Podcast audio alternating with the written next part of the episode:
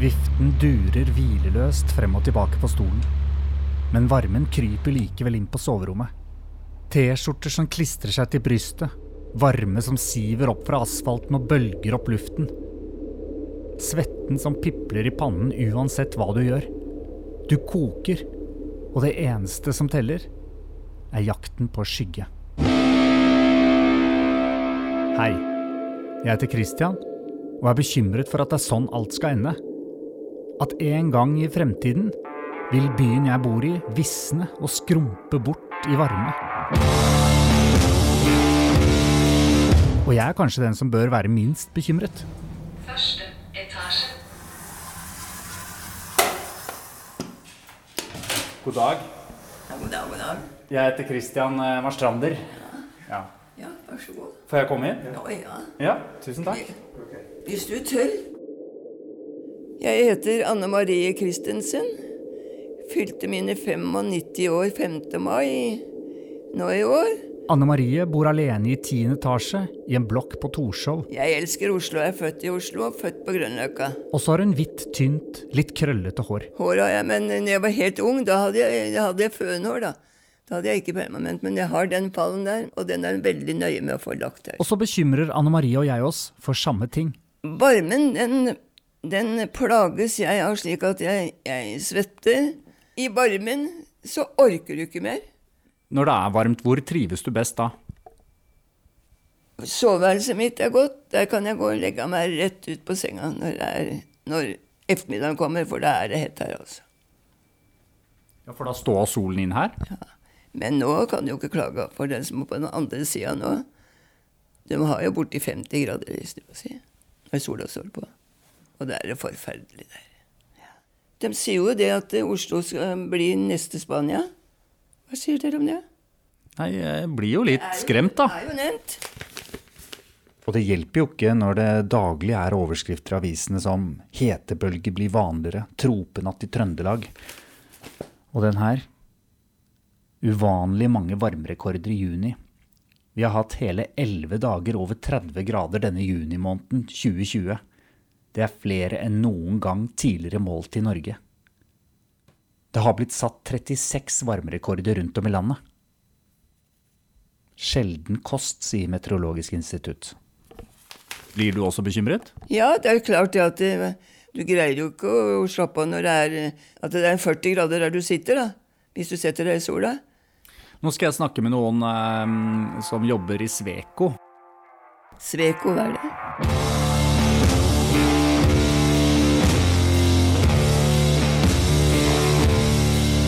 Altså, Framfor Oslo S, det er liksom, det er Oslo for oss sogninger. Jeg møter Ørjan i sentrum av Oslo. Ørjan Kongsvik-Aall, klimastrateg og klimarådgiver i Sveko. Han vil gjerne vise meg et av de varmeste stedene i byen. Ørjan, Ja. bør jeg være bekymret for at eh, det blir altfor varmt i fremtiden her eh, i byen jeg bor, Oslo? ja, akkurat her vi står i dag framfor eh, Østbanehallen, så blir det nok varmt allerede nå på en godværsdag. Og med de framtidsutsiktene vi har, så kommer det til å fort bli fem og seks grader varmere her på, på maks. Fem til seks grader varmere. Og når Ørjan sier det, så blir jeg mer bekymret. For Sveko vet sånt. De former fremtidens bærekraftige byer og samfunn. Og målet er at det fortsatt skal være mulig å bo i storbyer, selv med ekstreme hetebølger. Stormer og jordskjelv og flommer og sånn får jo mye dekning i media. Blant annet fordi det fører til ganske store økonomiske konsekvenser. Men det er faktisk hetebølger som tar flest liv i Europa. Faktisk 70% av folk som har omkommet som følge av naturkatastrofer, er som følge av hetebølger. Er på grunn av hetebølger. Bare i 2003 omkom over 70 000 mennesker som følge av ei hetebølge i Europa.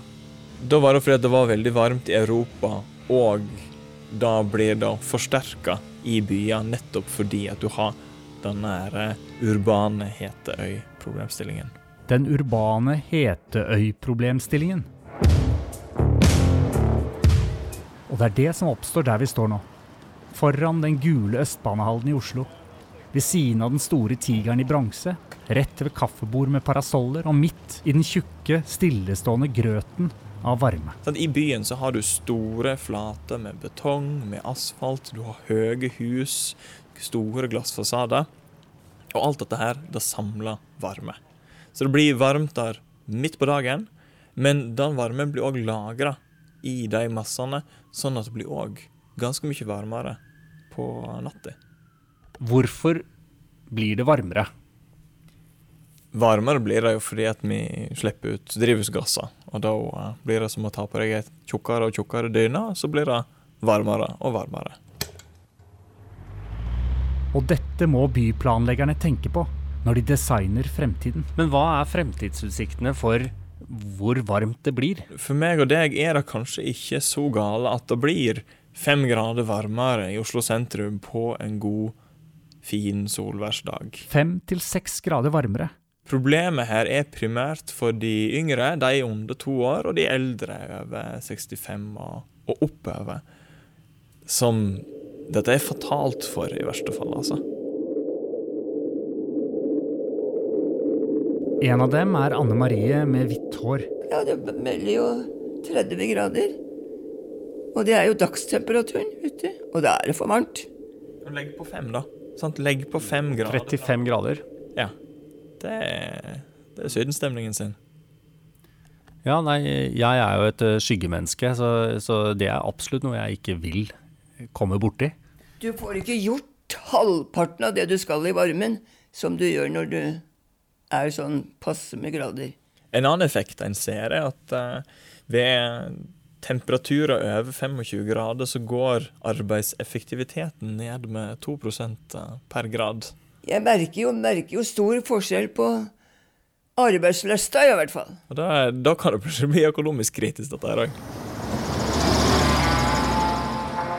Og det store spørsmålet som jeg lurer på, selvfølgelig, er jo finnes det noen løsninger?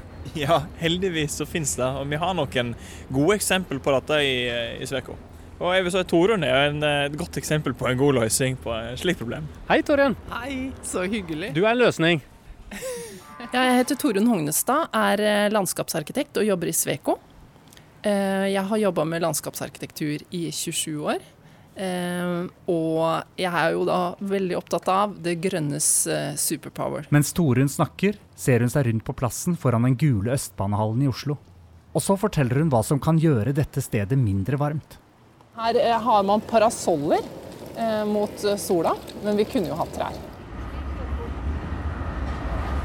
Trær i by er veldig viktig for mikroklimaet. Det stabiliserer temperaturen gjennom døgnet på en helt annen måte enn gater og plasser som ikke har trær. Da er temperatursvingningene veldig mye høyere. uten det grønne bladverket eller grønn vegetasjon. Og, og dette er jo også vanskelig for fugler og insekter, at uh, temperaturen går veldig opp og ned. Så det er ikke bare oss, men det er også andre som er opptatt av mer stabil uh, temperatur i de gatene og, og, og på plasser. Vi får oksygen, og det er uh, også vakkert å se på, og vi blir glad av det. Så hva mer kan man ønske seg? Men jeg tenker vi kan tusle bort til plass ved sida her som en, der en har en eh, spennende løsning for hvordan vi kan gjøre noe med problemet. Er du med, Torunn? Ja, klart det. Eh, Må vi opp den trappen her, da? Ja, som er førstemann?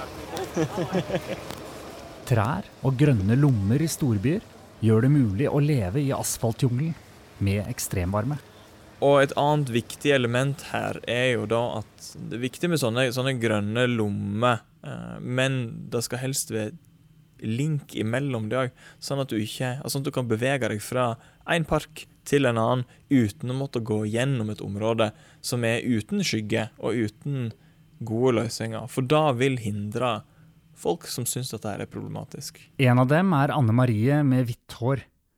Og jeg spør om hun ikke bare kan ta på seg en solhatt, så hun kommer seg ut i varmen. Jeg hatt! Du har aldri sett meg en hatt. Ikke en solhatt. Solhatt, hva er det? Jeg har aldri brukt. Jeg har hatt en hatt en gang, og det var en hvit, liten hatt som jeg hadde da jeg var gifta meg. Jeg har ikke vært glad i hatt.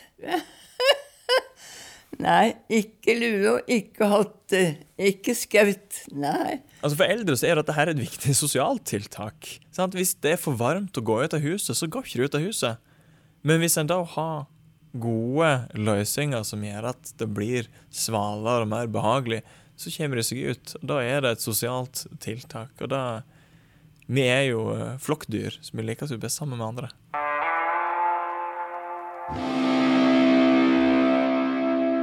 Hvis jeg, jeg bor jo i Oslo, og er det noe som jeg kan gjøre for å, for å på en måte unngå eh, at varmen skal bli et stort problem for meg? Hvis du tar vare på hagen din, eller etablerer en hage, den type løsninger der, så vil det gi en liten effekt. Men igjen, hvis alle gjør det som deg, så er det mange bekker små. Ja, altså hage, men du tenker da på eh, at gress gjør det kaldere? Ja, da du har en hageflekk, vil bidra litt grann positivt til at det ikke blir så varmt hos deg.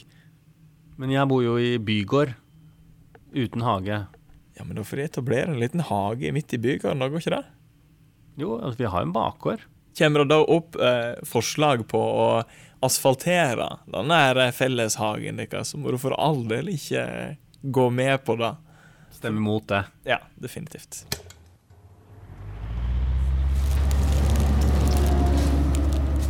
Og så er Ørjan og Torunn og jeg fremme ved en annen løsning for å takle varme i storbyene.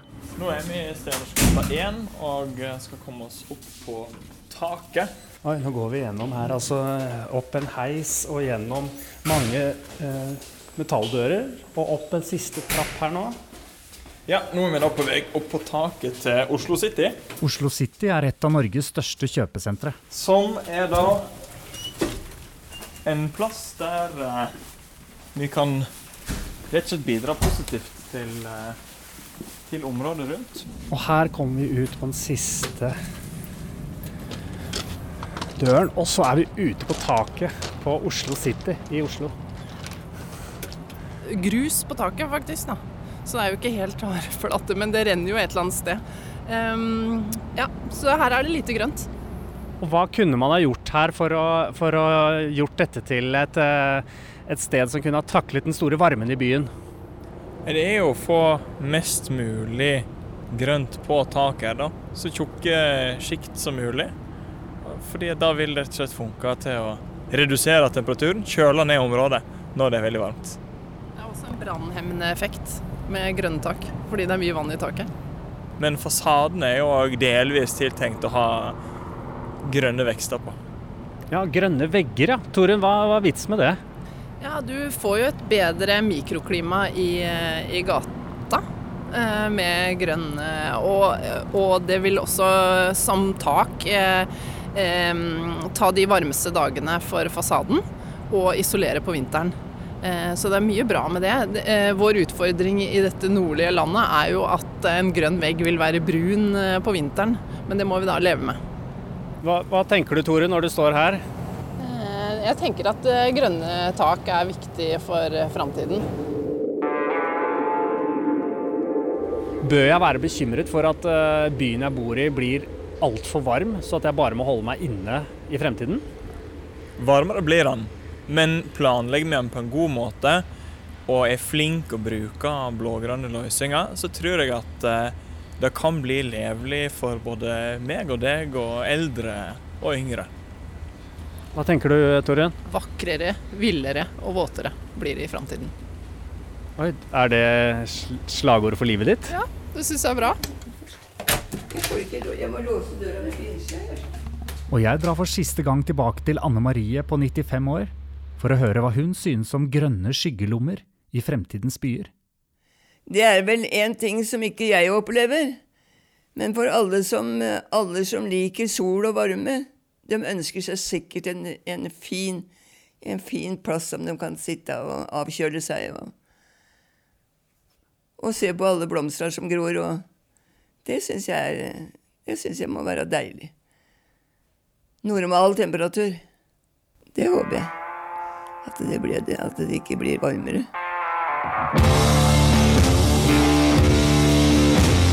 Denne reportasjeserien er produsert av Radiorådgiverne på oppdrag for Sveko. Jeg heter Christian Lydemar Strander, og hvis du vil lese mer om smarte klimatiltak, så kan du gå inn på svekourbaninsight.com.